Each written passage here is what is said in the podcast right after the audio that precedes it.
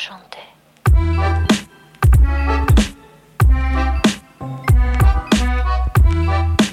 Varmt välkomna ska ni vara till Toto 5 äntligen tillbaka efter ett litet sommaruppehåll och eh, nu är det bara några dagar kvar innan VM i Australien och Nya Zeeland sparkas igång. När vi spelar in det här så är det lördag den 15 juli och eh, du är internationell som vanligt. Eh, Globetrotter, vagabond, Ladies man, kärt barn har många namn. Robin Bylund Ja, är i Ungern av alla ställen. Eh, Har du kollat till den ungerska damfotbollen någonting? Nej, har inte hunnit eh, det än så länge här. Jag tror att den är obefintlig. Ja, alltså den, eh, den, den, den går inte superstarkt åtminstone, så jag, jag tror inte jag har missat något äh, än så länge. Men äh, nej, äh, som du säger, jag befinner mig i Ungern på, äh, på ett eget litet förläger för att sen kunna gå in i VM-bubblan när man kommer hem. Jag sitter med Sportbladets bibel inför mästerskapet. De har ju satt plusbetyg och så vidare. De har en, två, tre, fyra, fem, sex, sju, åtta, 16 stycken redaktionsmedlemmar. Jag vet inte om alla är sportjournalister. Ja, men det ser ungefär ut som det. Mia Eriksson där också. Ja, men då jobbar väl hon för dem då, under det här mästerskapet. Om du får gissa, hur många eh, röster, för att alla de här 16 har fått rösta på vem som vinner, bland annat. Rösta på massa andra grejer också.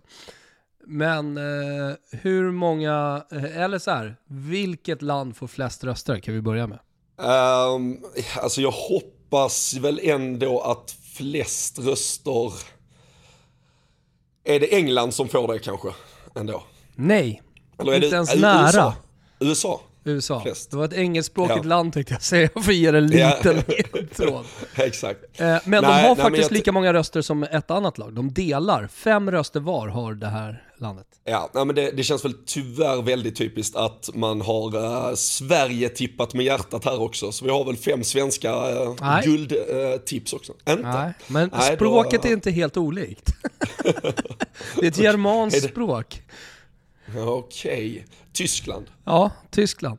Så att det ser ut som Ja. så att det är fem USA, fem Tyskland. Sen är det två Spanien, två Sverige, ett England. Så att de var ju 15 stycken då, uppenbarligen. Eh, det motsvarar inte riktigt eh, den oddslista vi pratade om eh, för ett litet tag sedan. Eh, har, har du den i huvudet eller? Nej men, jag, nej, men jag, jag satt faktiskt och tog fram den eh, innan vi tryckte igång. Och där är ju, eh, USA är ju favoriter, men eh, delar det ganska jämnt med eh, England favoritskapet. Sen har vi Spanien som är tredje favorit, Tyskland som fjärde favorit och sen eh, Frankrike, Australien och sen Sverige. Så att eh, trycka in Sverige som eh, guldfavoriter då, då går man emot marknaden i alla fall med det tipset. Ja, vi ska såklart komma in på det svenska landslaget. Vi ska ägna en stor del av den här podcasten åt att prata om Sverige, men jag tänkte bara börja den här ändan så att folk eh, får lite grepp om hur omvärlden ser ut också. Eh, det har trots allt spelats lite träningsmatcher. Eh, jag såg att Australien mötte Frankrike igår, en ganska profiltät match där Cooney Cross bland annat låg bakom ett mål. Noterade du detta? Ja, nej men absolut. Det blev väl 1-0 till Australien till slut och där, eh, Exakt. det är ju trots allt eh, ett styrkebesked från Matildas och hemmanation, eh, med all respekt för Nya Zeeland så får det väl ändå vara ses till eh, stor del som Australiens stora VM detta och eh, Sam Kerr, om hon får träff, eh, laget i övrigt vet vi alltså vilken styrka där finns i det. Eh, kan man rida på lite supportervåg och eh, ja, men bara faktumet att man får med sig den här segern in i mästerskapet inför eh, premiären på torsdag. Det, eh, ja, det, det kan ju absolut bli eh, riktigt spännande för Australiens del också. några kanske oinvigda för det här mästerskapet. Jag, jag, jag guidar oss fram till det svenska landslaget och lite initierat eh, fotbollssurr. Eh, och det, eh, där tycker jag, man kan köpa den här bibeln också, jag tycker att den är, den är tydlig. Eh, via Play är det som sänder mästerskapet och matcherna, de går tidigt på morgonen, i alla fall Sveriges matcher. Eller hur? Ja men precis. Precis, det blir, eh, det blir eh, långfrukost i, äh, i soffan och, och duka upp rejält och ha det gött. Det är väl runt eh, 8-tiden, 8.30, 9.30 eh, Sverige har avsparkstider. Men sen är det ju, det spelas ju i ett par olika tidszoner där. Så, så allt mellan typ 05 på morgonen och eh, 12.1 på, på dagen har vi ju avsparkstider här under gruppspelet. Eh, beroende på var i eh, Australien, Nya Zeeland matcherna spelas. Men eh, fullmatade morgnar kommer man ha i ett eh, par veckor då, med start från och med torsdag när båda hemmanationerna inviger med Nya Zeeland, Norge och Australien har väl Irland om jag inte minns fel i eh, sin öppningsmatch. Ja men exakt. Och eh, det är väl några som då tänker, bra att man spelar på morgonen för det är hett så in i helvete i Australien. Det har man ju sett på tv eller hört någon vän som har varit där och kollat på krokodiler. Eh, jag har ju varit i Australien i just den här perioden, mitt i juli. Och det är ganska behagligt. Jag skulle säga att det är runt, eh, alltså nu går jag ju bara på hur det var 1999 och sen var jag där en sväng eh, 2000 också. Jag firade faktiskt millennieskiftet i Perth, oh, som är en av städerna som, som hostar VM. Eh, eh Gusten ville få det till i våran, våran podd att det typ snöar och är iskallt. Men det är det ju, alltså, så är det ju inte. Utan jag hade ju, I Sydney hade jag ju t-shirt på mig. Jag hade shorts till och med. Jag badade i Brisbane och, och alltså badade i havet.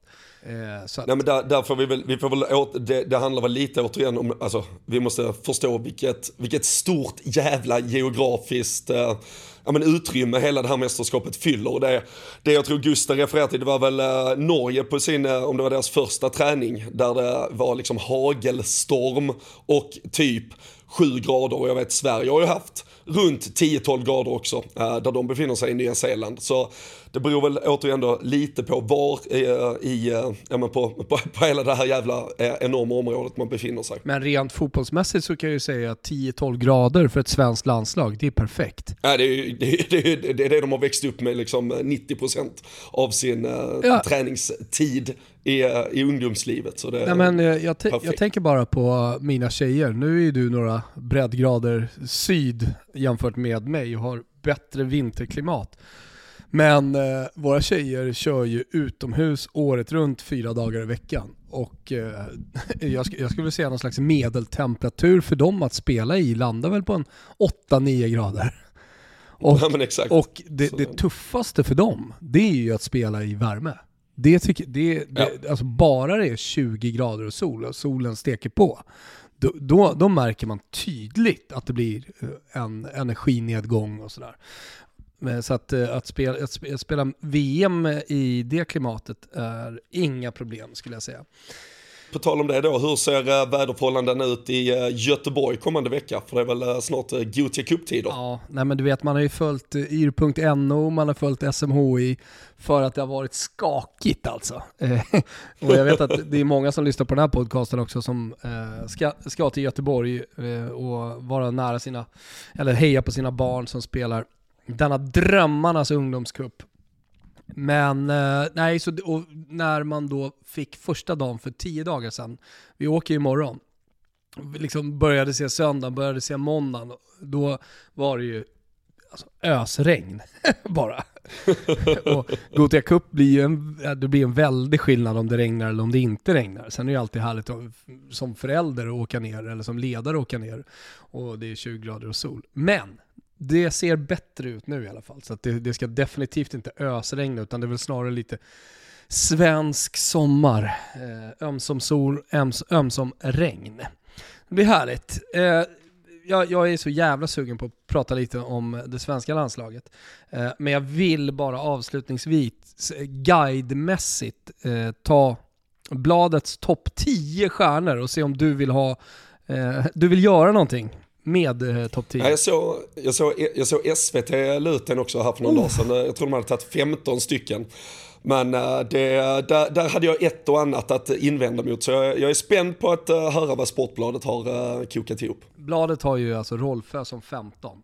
Och sen följer Ada Hegerberg, Wende Renard, eh, Frida Manum, det är alltså norsk landslagsspelare, Guro Reiten, norsk Chelsea-spelare för er som inte har koll, Crystal Dunn, Eh, och sen Pernille Harder, eh, Hansen, Walsh, Smith, eh, det är amerikansk spelare Sofia Smith, eh, Lena Oberdorf, det hör ni på namnet, Alexandra Popp, Alexia Putellas, Bon Mati, Barcelonas superspelare som eh, älsk... Vem var det hon stod och väntade på tröjan? Det var ju Bon... Oh, det vet jag inte. Nej, bon, jag såg det på bon Twitter. Mati. Jo, hon stod och väntade på Pernille Harders tröja. De hade mött okay, varandra ja, i träningslandskamp. Nu inför. Okej. Okay. Och, ja, den har fladdrat förbi mig. Ja, men så Pernille Harder gjorde väl massa, massa media efter. Eh, som, eh, ja men, stor. Hon är väl lagkapten eh, i Danmark. Har jag fel eller?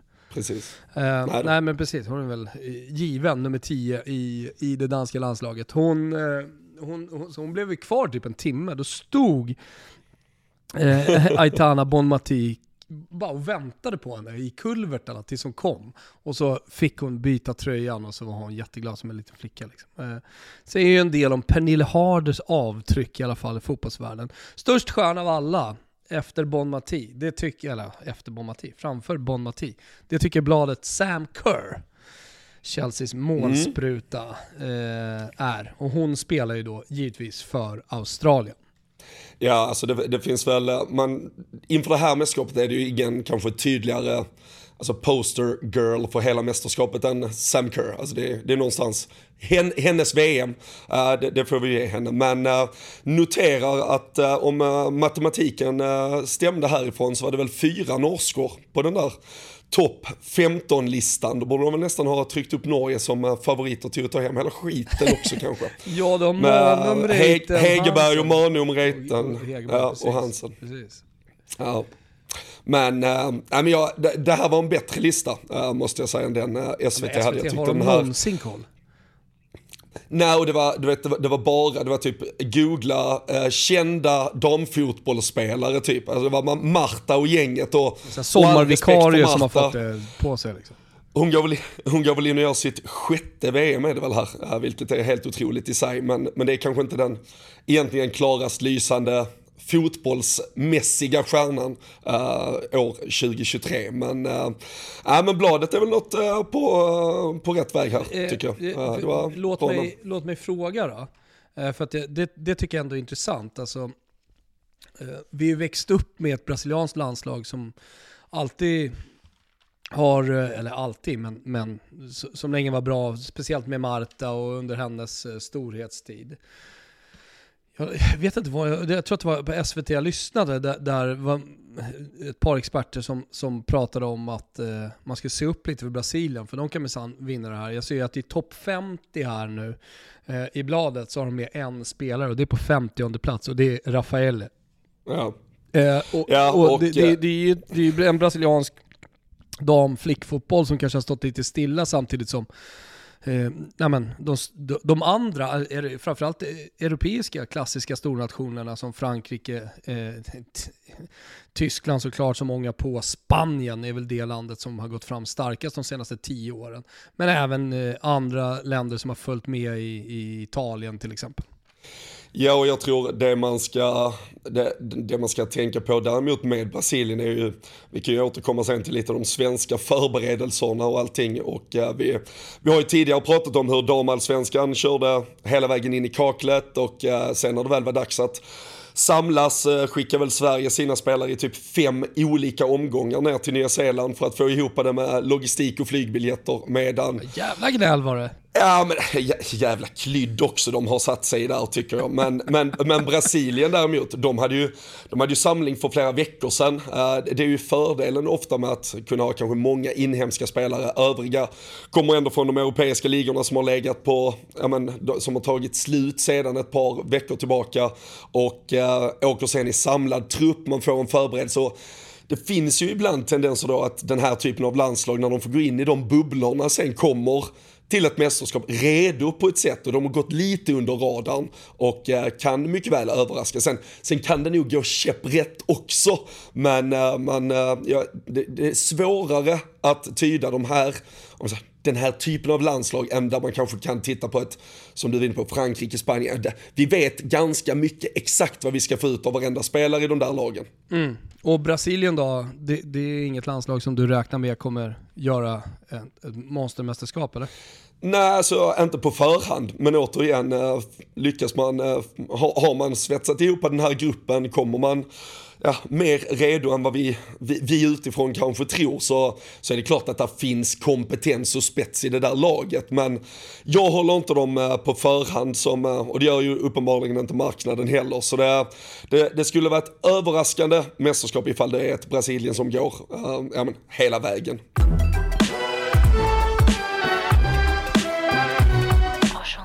Ja, men då tycker jag det är dags att gå in på den svenska truppen, eh, på det svenska landslaget och eh, ja, men, eh, ta det ett varv till tycker jag innan mästerskapet börjar. Eh, hur ser förberedelserna ut? Jo, man har ju samlats, eh, man, många som följer dem på sociala medier har sett att det, det är liksom ja, men full VM-uppladdning eh, där nere. Eh, jag såg igår att de blev välsignade i någon jävla hall av, av någon. Eh, eh, ursprungsbefolkning, eh, det, var, ah, det såg roligt ut hur som helst. Och ja. sånt där hör ju till mästerskapet. Det ska ju liksom göras för att de som hostar eh, de här länderna är så otroligt stolta, så det kan vara ett hotell som gör någonting speciellt eller ja, no, någon, någon lokal förmåga som har kommit på något sätt att hylla landslaget som är på plats. Men vi spelar en träningslandskamp, men den är inför stängda dörrar. Så att från den kommer vi inte höra någonting annat än att eh, Peter Gerhardsson har fått många svar och han är mycket nöjd med eh, träningslandskampen. Eller hur? Ja, men, nej, lite så är det väl. Och uh, jag såg nu, det var väl några spelare som hade, hade plötsligt blivit lite nervösa. Vi hade ju, uh, det var väl igår eller om det var i förrgår, vi hade träningsmatch, uh, på, på tal också då, lite liknande upplägg mellan Irland och Colombia. Men efter 20 minuter fick man avbryta matchen för att Irland vågade inte spela längre för colombianskorna spelade för fysiskt och man skadar man skadar en spelare, inte bekräftat om det blir jätteallvarligt men det, det, det, det, gick snabbt och det var flera gula kort inledningsvis på colombianskorna. Så 20 minuter gav Irland det. Sen sa man tack och eh, hej. Vi, eh, vi känner inte riktigt att det här är något vi vågar göra men med en dryg vecka till VM-premiären. Så vi, det, är väl, eh, det är väl åtminstone inte den typen av svar Gerhardsson vill ha. Men får han bara 30 minuter, 60 minuter i benen på rätt många spelare så är väl, så är väl han nöjd kan jag tänka mig. Ja men exakt, och som du säger så spelar eh, Sverige om en vecka. Har vi lite spelplats, eh, tider pratade vi om tidigare också, bara så att folk eh, kommer in lite i den här VM-bubblan, får lite hjälp, en liten knuff in i VM-bubblan eh, Robin. Nej men precis, eh, det är ju premiär, eh, VM drar igång den 20 juli eh, och för Sveriges del så är det ju söndag den 23 som vi spelar vår första match och då är det ju avspark tidig morgon där, 07.00 mot Sydafrika är det första matchen som, som gäller. Och som sagt, Sveriges grupp spelas ju i Nya Zeeland så det blir först i ett slutspel som vi såklart hoppas att Sverige är med i, som det kan vara att vi packar väskorna och drar på några australiensiska äventyr också. Vad heter den uh, nyzeeländska ur, ursprungsbefolkningen uh, Robin? Uff. Som gjorde den här lilla ceremonin för dem. Alltså den Nya Zeeland, är det, sam, det är inte samma som uh, Australien då? Ja, det, är, det, är väl aboriginer äh, ab eller ja, är det från Australien va? De har ju koll på. Det är, det är maorierna. Ah, som hade skulle... den här lilla ceremonin för dem. Det var något rep som skulle in i något någon hylsa och sen så sådär. Härligt eh, för det svenska landslaget att komma till. Ja, nej men... Maorierna. Ja men då, då är vi den, den lärande podden här också och utbildande ja. podden. Det är viktigt. Exakt. Det är viktigt. Det, det är ungefär vad jag har med mig från Nya Zeeland, eh, det här var för 25 år sedan. att ursprungsbefolkningen heter maorierna. Ja, och det får vara en röd tråd här så eh, börjar jag eh, gå igenom lagdel för lagdel lite lätt. Eh, där eh, vi har tre målvakter, Tove Enblom, Jennifer Falk och eh, Musovic. Räknar du med att Musovic spelar eller är det kamp med Jennifer Falk? Alltså jag skulle, mitt favoritskap ligger snarare på Jennifer Falk, att, eh, att hon kommer gå in eh, och, eh, och spela mest här. Men jag, jag är ju, ja, min, min gissning är lika god som någon annan så Gerhardsson har ju, har ju valt att vara otydlig. Vi vet ju inte om det är internt, det är kommunicerat en, en tydlig etta. Men jag, jag tycker, jag, jag hoppas ju att vi ser att den som står i premiären är den som ska stå resten i alla fall. sen om det är Musovic eller Falk, det det är väl lite hugget som stucket. Jag, jag håller ändå Falk eh, högre. Och, eh, och eh, ja, hade jag valt, hade jag valt Falk. Men ingen faktiskt aning om vad Gerhardsson kommer gå på. Sen är det ju alltid intressant att dela ut plusbetyg eller getingar då till spelare inför ett mästerskap. Men det blir väldigt svårt i Sveriges fall när det gäller vissa spelare. Jag tänker till exempel på Caroline Seger som har fått fyra, fyra plus i Aftonbladet. Och det, det är hon ju. Hon, är, hon, har ju till och med vissa mästerskap varit 5 plus när man har summerat det. För att hon är så otroligt viktig för laget. Eh, eh, men där hon snudd på nästan får stå på en geting och vi hade ju en sån där grej när vi gjorde eh, EM-guider eller mästerskapsguider att eh, om det är en spelare som man inte kan bedöma för att det är en 17-åring som ingen har sett från Sydkorea, ja, men då får de en geting och sen så förklarade vi det i betyget också. Att mm. här, en geting är, dels kan ju vara en riktigt jävla usel spelare såklart, men men, men, det är snarare i brist annars, på underlag. Annars är det en typ. spel, i, i, brist på underlag så får de en geting. Och eh, Caroline Seger får ju då en geting eller ett plus av mig i brist på underlag. För jag inte, det, det, det, går ju inte att bedöma hennes senaste år eftersom hon bara spelat 127 minuter. Nej, och där eh, kom ju, det var väl bara för några dagar sedan vi, vi såg återigen då att hon klev av träning och, och det är ju jätteotydligt hur, eh, hur statusen är. Och uh, nu har ju Sijotti Olme äh, åkt med. Äh, de hade ju ett par äh, spelare som kallades in bara till förlägret och var med där och äh, Sijotti Olme då har ju sen rest med för att vara ja, men, tidsomställd och förberedd ifall man behöver göra den här ändringen. varför tar man inte bara in henne? Det är så här, helt ärligt. Varför sätter du inte bara CS på Caroline Segers kläder? Hon är ledare. Hon är med i den här staben. Och så får eh, Ölme vara med. Jag var på Kanalplan igår, vi håller ju på Gotia Cup förbereder oss. Och eh, kommer ner klockan 09.30 på Kanalplan. Och ser, för man kommer ju från eh, ovanifrån så att säga, går ner för trappor, så ser jag att det springer en A-lagsspelare där nere, för de har speciella kläder. Fan är det där? Vi kör 70-20 intervaller, liksom. pressar. Helt ensam på kanalplan. Kommer lite närmare och ser att det är Julia Roddar som eh, manglar på. Och vi har haft med henne i podden tidigare. Eh, så hon, hon har väl eh, lite koll, ska komma och kolla på oss i Gotia Cup också. Sådär, så vi började snacka lite och, och så uh, frågade jag, men vad gör du? du? Du har semester men du är ändå här nere. Ja men när man inte kommer med i VM-truppen då får man ju helt enkelt eh, jobba ännu hårdare så man kommer med nästa gång. Vilket i sig är en eh, älskvärd inställning och som man önskar att alla fotbollsspelare var. Eh, och ett rätt sätt att tackla motgångar på. Men vi har pratat om att det hade ju varit bra att ha en spelartyp som hon är i det här svenska landslaget som kan gå in eh, och, och eh, ta löpkilometer och vinna närkamper och vara tuff i duellspelet. Eh, det, det, och det, det tycker jag lite saknas i det laget vi har här nu. Ja, och jag, och jag tycker ju, alltså nu, nu har ju Gerhardsson uppenbarligen... Truppen ska jag säga. Ja, och nu har han ju gjort vad, alltså med tanke på att uh, Sijotti Olme är på plats så, så ska det göras en korrigering. Så, så kommer det ju vara hon. Men, men där satt ju vi redan för några veckor sedan och sa att vi nog hade valt Julia Ruddar till, eh, till den positionen och den platsen och haft med henne. Ehm, men eh, sen, eh, sen är det väl, man, man, vet väl aldrig om Ruddar själv hoppas på ett mirakel. Det skulle såklart vara den enes olycka och den andres lycka om något skulle hända. Hon kanske vill vara hundraprocentigt förberedd ifall telefonen ringer. Det är klart att alla centrala fältare i Sverige ser att vi vi, vi har en prekär situation där och, och någonting kan hända.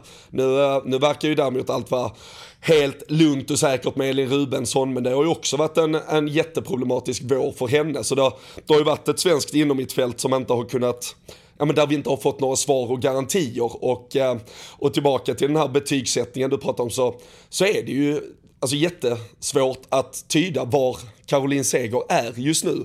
Och, eh, och jag såg diskussioner på, på Twitter kring att nej, men vi ger henne gruppen till att så bara komma igång lite och sen är hon redo. Alltså hennes första typ riktiga match på över ett år kan ju inte vara en VM-åttondelsfinal mot USA eller Holland. Det, alltså, hon kommer bli uppäten Antagligen, alltså hon får jättegärna nej, men, nej, överbevisa men, återigen, mig. Allas, alla som på något sätt har hållit på med fotboll vet ju att när du är tillbaka från din skada och har gjort din rehab, eh, låt säga att du har skött din rehab på ett perfekt sätt. När du är tillbaka från din skada, då, då har du en bra tid framför dig där du ska spela 30 minuter, sen få 60 minuter, sen få 90 minuter och även när du har fått dina 90 minuter och börjar liksom komma in i det så är du kanske några veckor bort från uh, formen. Uh, Ja, ja. I ett år mer eller mindre som hon har varit så, så kan det vara ett par månader innan du, du är tillbaka till uh, maxform så att säga, det, det, det du kan nå. Eh, och det måste man också säga då, Caroline Seger, 38 år, vad är, hennes, vad är hennes max nu om hon kommer tillbaka och spelar också? Men det vi mer eller mindre kan konstatera, eller det är i alla fall så som jag ser på det, det är ju att hon kommer inte nå sin maxnivå under det här mästerskapet. Helt omöjligt. Det är fysiologiskt omöjligt. Vet du vad det till och med är? Det är kemiskt omöjligt. det, är, omöjligt på alla jävla sätt och vis. Och, eh, nej, och där är ju, nu, nu vet jag inte hur det har sett ut de sista veckorna i Rosio, men under i stort sett hela våren när hon ändå uppgavs vara alltså, ganska så fit for fight och att hon var uttagningsbar i vissa lägen men där man valde kanske vara försiktiga så, så tränar hon ju i stort sett uteslutande på egen hand också. Hon har ju inte varit i träning med gruppen och alltså det, det kommer ju saknas ett, äh, ja, ett tempo som du är inne på som, som kommer ta bra mycket längre tid än de 5, 6, 7, även hur många matcher vi än får i det här mästerskapet. Och äh, nej, ja, det, det Ja, men då säger vi märkligt. bara, Robin, då säger vi det bara här nu. Caroline Seger är inte tillgänglig för det här mästerskapet. Vi kan inte räkna med någonting. Så Nej. alla som lyssnar på den här podden inför mästerskapet, Caroline Seger, hon är out. Och sen så får hon motbevisa det och hur nu Exakt. det ska gå till. Eller någon annan får säga någonting annat. Men i, från Toto 5 sida, Caroline Seger är inte tillgänglig för det här mästerskapet. Sen om hon ändå står där på planen i någon match, ja då får hon väl göra det. Men i våra ögon så står hon där otillgänglig i så fall. Precis, precis. Jag tycker bara att det är viktigt att vara tydlig för att det, jag följer allt inför det här mästerskapet. Mm. Alltså om man pratar stormedia nu då. Det, det, det, pra, det, det pratas ju om Caroline Seger, ja man har haft lite skadedrabbad men, ja, men hon... Man har Lite hopp liksom. skadad. Ja, Men Men, så, lite- men, Lite men skadad, det är men ju låter typ så, att så man- här, men vi har att- hoppat att, att- hon ska spela och hon ska få gruppspelet som du säger och sen kommer hon eh, hitta formen då under slutspelet. Så här. Nej! Det, Nej, det är kemiskt omöjligt. Va? Exakt. En Ja, men kropp där- består av eh, celler och molekyler och atomer och grejer. Det är bara att läsa in er på kemi A-kursen i sjuan. Det är kemiskt omöjligt för en fotbollsspelande 38-årig kvinna att spela, eh, spela mästerskap efter detta. Det går inte. Caroline Seger, out. Ja, nej, Överens? Uppskattar tydligheten. Jag är med. Ja, jag är med. härligt, jag är nere i båten. Då kan vi ta oss vidare. Det gör vi. Eh, Då kan vi ta oss vidare. Nu vill jag att vi ska vara lite positiva. Vi har inte Ja. varit så positiva. Så att vi, vi ska liksom lyfta fram styrkorna i det här svenska laget. Så att folk verkligen förstår att det, det finns faktiskt en jävla god möjlighet här att göra bra resultat. Nej men verkligen. Och, eh, alltså där, där, och, vi har ju en, alltså, vi har en jättefin backlinje. Vi har ett, eh, ett riktigt bra anfall eh, med eh, åtminstone den individuella spetsen som finns i, i jättemånga av de här spelarna. Blackstenius var väl, jag kikade lite på oddsen på skyttedrottningar också. Hon är väl eh, precis runt eh, topp 10 i alla fall. Eh, men det är ju såklart mycket för att man har kanske svårt att se Sverige få då 6-7 matcher som brukar krävas eh, av den som till slut ska, ska vinna allting. Men vi måste ju få igång henne direkt. Eh, det får ju gärna vara både två och tre mål i premiären mot Sydafrika. Eh, vi har pratat om det tidigare att Fridolina Rolfös roll, att vi måste känna ganska tidigt att det finns en ja, men en självklarhet i det hon gör ute på planen. Att hon känner att hon ja, men tar en taktpinne direkt där ute, att mycket går via henne, att hon får den flexibiliteten hon vill ha för att spela sitt bästa spel. Och då får vi istället titta på den där startelvan, hur den ska balanseras för att få ut det bästa av henne. Och, och tittar man nu så kanske där på förhand inte är någon jättegiven högerback. Vilket skulle kunna göra att en Nathalie Björn utgår därifrån för att man ska kunna trycka ihop det till en treback. Rolfö på vänsterkanten få en mer framflyttad och fri roll. Och eh, jag tycker att det, det är väl, jag antar också att det är det pusslet ungefär som läggs nu. Jag skulle säga 10 av 11 spelare är väl typ givna i den där startelvan. Det är väl ett coinflip på målvaktspositionen, det är en eller två eventuellt i det där mittfältet som ska sättas ihop. Där jag tror att det blir Rubensson och Angeldal. Men, eh, men sen hur man mer då äh, formerar detta och så kommer det väl alltid vara Jan Andersson-snacket om att vi spelar på ett sätt i försvar och ett i anfall. Men det viktigaste är att i, i, i offensivt och med boll, då måste vi ha en Fridolina Rolfö som, som är där hon vill vara på planen och framförallt sätts i de ytorna där hon vill attackera. Ja, det är vanligt att man spelar på ett sätt eh, i klubblaget och ett annat sätt i ett landslag. När man inte kommer från, äh, det är ju vanligt att man spelar på ett sätt i sitt klubblag och ett annat sätt i landslaget. Det är två olika lag och man får använda styrkorna på olika sätt beroende på vad det finns för spelare. Och jag menar i ett, i ett landslag så eh, kan man inte värva in spelare, eh, man, man kan liksom inte få ihop det helt perfekt för att få ut maximalt. Utan då kan det bli som med Alaba i eh, Bayern München som spelade vänsterback, men i österrikiska landslaget spelade han offensiv central mittfältare, typ nummer 10. Eh, och eh, Frid Fridolina Rolfö, hon har ju utgått från vänsterkanten som alla känner till i Barcelona och av alla spelare i slutspelet av Champions League så var det hon som skapade flest chanser. Så, men, men det jag tycker är viktiga med Rolfö, det är att man får henne rättvänd på planen. Ja. Rättvänd med boll, driva boll framåt. För att där kan hon hota dels i djupet, Eh, det hon har varit bra på är uppenbarligen att skapa eh, målchanser för sina lagkamrater. Så att så här, där funkar hon också i en 10 eh, position eller eh, 8 på, på centralt mittfält. Där kan hon också skapa. Hon kan driva upp bollen, driva förbi, Eh, gör det, gör det enklare för sina lagkamrater. Men det viktiga är bara att, eh, att vi också nu får ut maximalt av henne. Ja men verkligen, och det är ju där jag tycker man, man kanske då ibland blir lite Ja, men lur, man, man vill såklart ha henne väldigt offensivt, vi vet vilken skicklighet hon har där, men precis som du är inne på, eftersom hon kanske är som allra bäst rättvänd och, och får ha bollen vid fötterna och komma med fart, så kan det ju vara en idé att ha henne längre ner i banan för att sen sätta henne i i de positionerna eh, för att kunna driva upp det svenska anfallsspelet eh, mycket mer. Så där, där, där, där, finns ju ett, äh, ja men, ja men där, där, där, är ju ett litet pussel som ska läggas kring det och sen, sen handlar det väl lite om att, att se på, på de här ja men, sista spelarna kring vem som, vem som har toppat form, vilka, vilka är liksom på plats med spets just nu. Kan tänka mig att en, en Janogy Rytting Kaneryd de, de kommer från lite olika vårsäsonger så att säga, där Janogy kanske på förhand går in som menar, ett alternativ bakom eh, uh, JRK, som vi väl får etablera igen, precis som vi gjorde förra sommaren.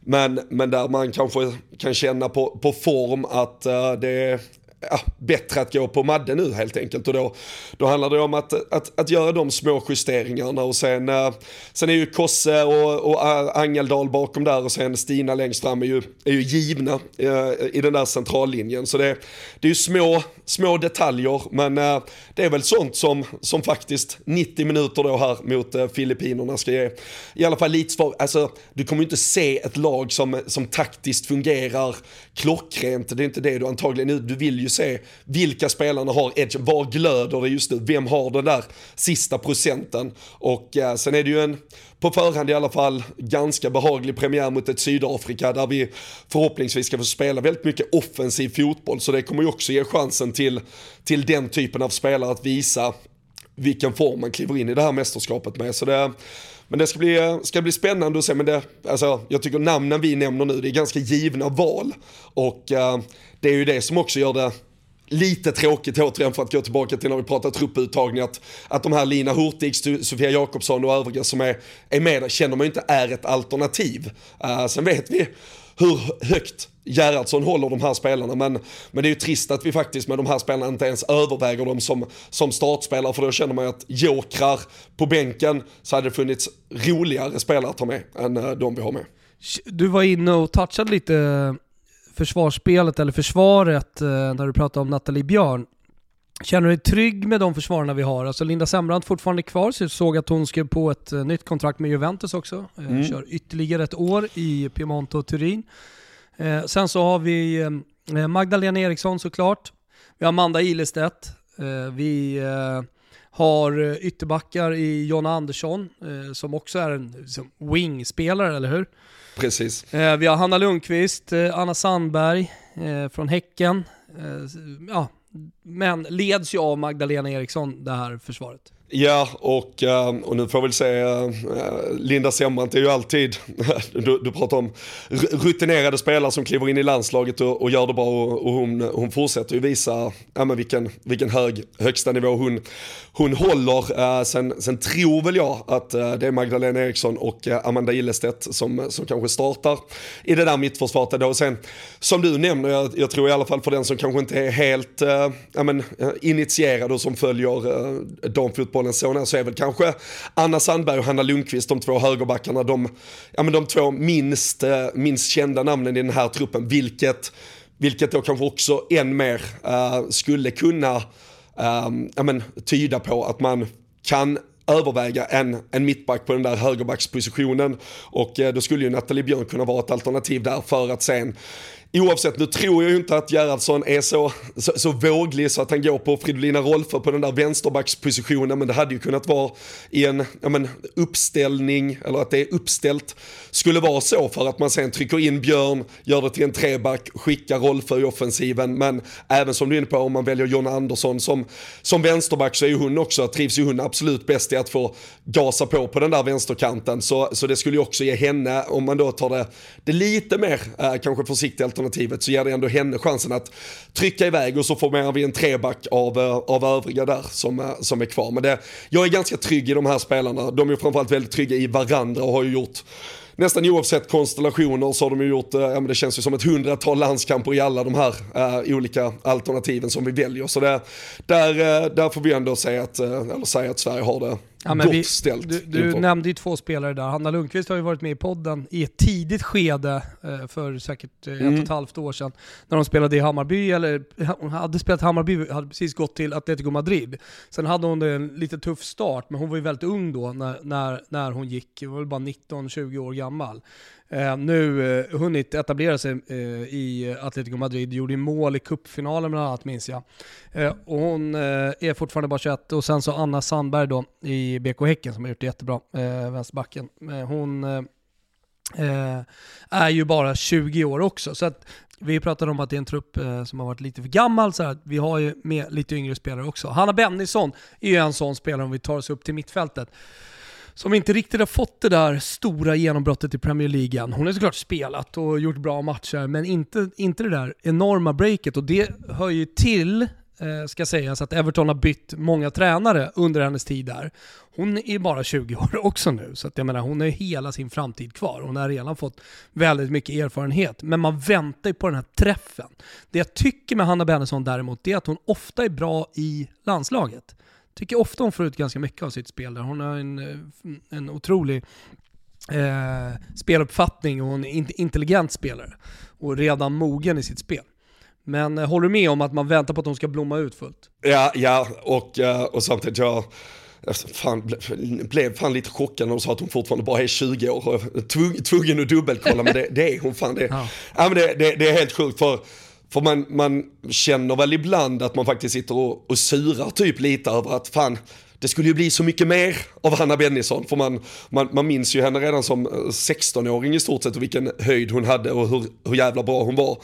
Men, eh, men det är ju faktiskt helt sjukt som att hon bara är 20 år äh, fortfarande. Det, det, det, visar vilka, ja, men vilken nivå hon var på tidigt eftersom man har en sån kravställan på henne. Men sen, sen tycker jag ju det som blir lite svårt, eller det som, som jag kanske hade velat se från henne är, är ju att hon lite tydligare axlar en roll på på det där mittfältet, inte just det svenska men i sin mittfältsposition för det är fortfarande ganska otydligt var hon är bäst och det, det är väl kanske fullt rimligt också för en 20-åring men, men jag tror nästa steg för henne är att ja, men, mer uttalat bli en, är hon en sexa? Är hon en åtta? Är hon en tia? Vill hon, vill hon löpa mer? Vill hon vara uh, en, uh, ja, men, eh, vill hon styra spel från en djupare position? Vill hon vara mer involverad i länkspel längre fram i banan?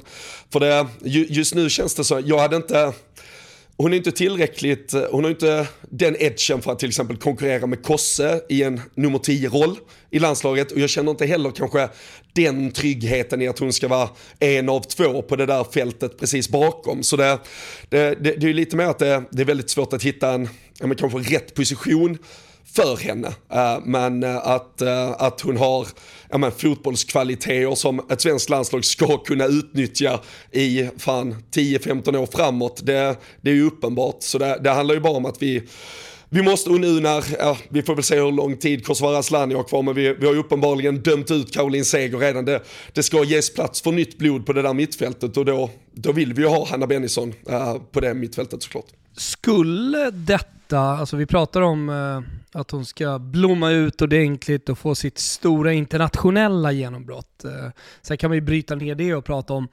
eh, landslag, mästerskap och eh, klubblag såklart. Men om vi stannar vid blomma ut, få sitt stora internationella genombrott. Om Sverige går långt här, i det, ja men säg semifinal, final, då skulle ju Hanna Bennison kunna vara en sån spelare som verkligen får ut maximalt och får sitt stora internationella genombrott i Australien och Nya Zeeland, eller hur?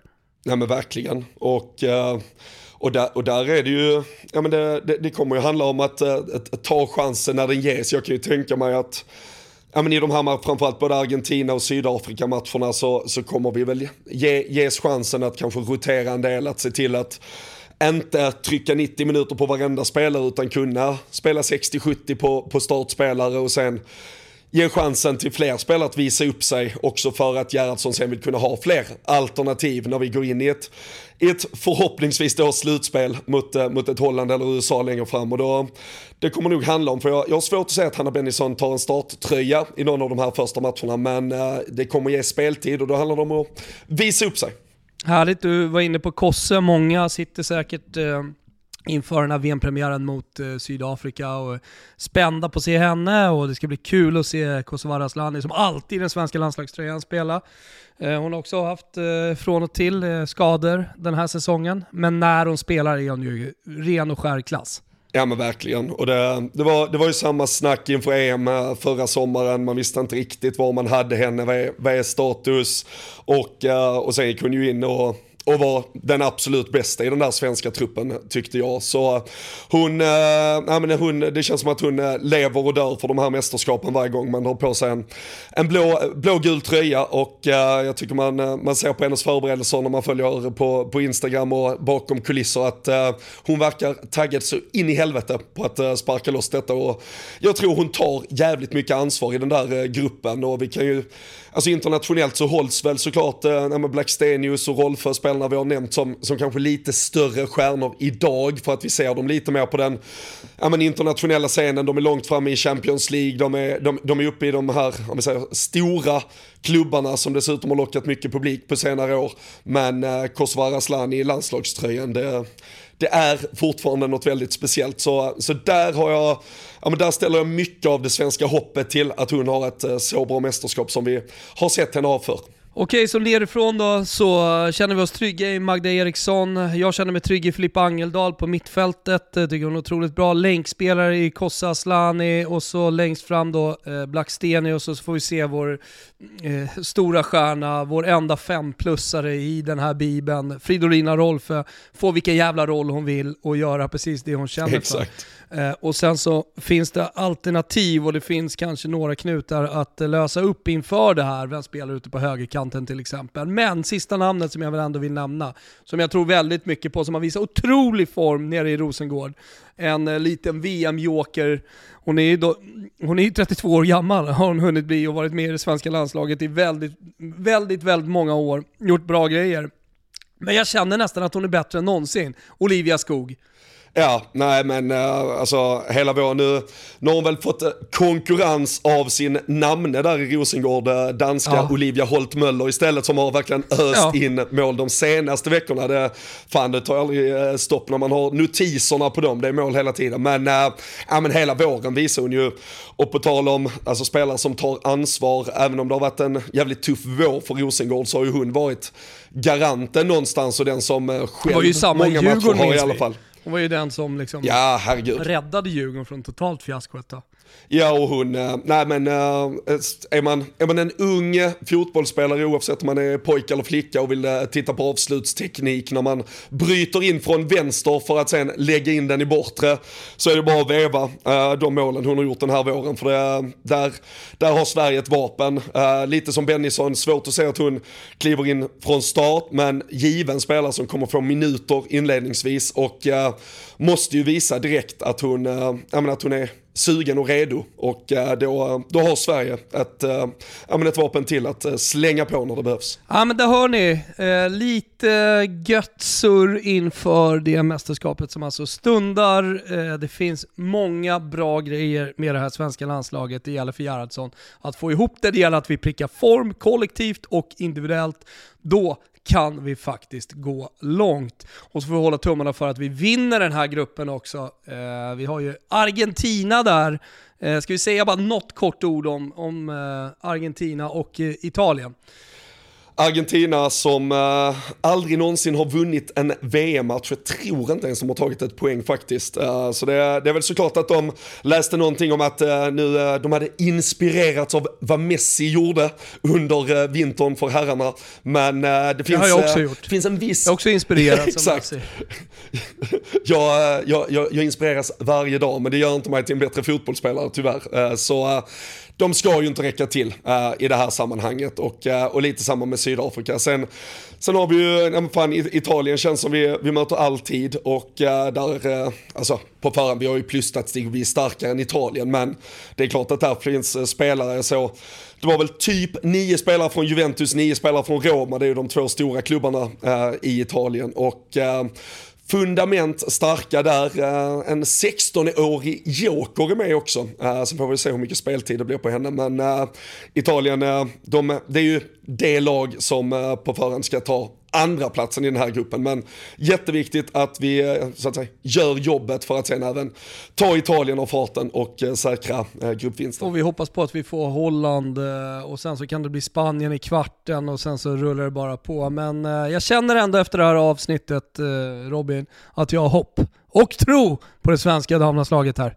Ja, det är bra. Härligt. Nej men det, fan, det, är klart, det är klart vi har det. Det, det känns som att, lite synd återigen bara, vi ska inte, vi fastnar inte i det sen, men det här med Caroline Seger har ju lite överskott, man, man har bara känt att det har blivit en onödig, och vi hade en, ja men Andreas Granqvist situation för något herrmästerskap sedan också som var väldigt mycket likt detta där man bara känner, men fan, alltså klipp banden en gång för alla, in med det nya. Ja. Men uh, vad fan, sen står kanske Caroline Seger med VM-bucklan över huvudet Nej, och då får vi äta upp all allt Vet du vad? vi har sagt. Men, det kan vi eh, avsluta ja. med. Jag hoppas att det blir fallet. blir straffavgörande. Hon slår, slår in den avgörande straffen. Denna gång ribba in och eh, Sverige ah, blir eh, mästare. Vi får se hur det går hörni. Då badar vi på Sergels torg. Ah, då, då kommer ni få se mig och Robin bada på Sergels torg. den, den, saken är helt klar. Du, eh, jag ska släppa dig till eh, Rule Britannia, du ska göra ytterligare en podd idag. Eh, ha det så bra och eh, ha det så trevligt i Ungern fortsatt. Ja men det ska jag ha och eh, så får du ner till Göteborg och få en flygande start på Gothia Cup-äventyret sen. Ja, vi får hoppas på det. Islänningar i premiären på Freja plan 16.30 eller om det var 15.30 på måndag. Välkomna dit alla Grym. som lyssnar. Vi hörs eh, snart. Ciao tutti.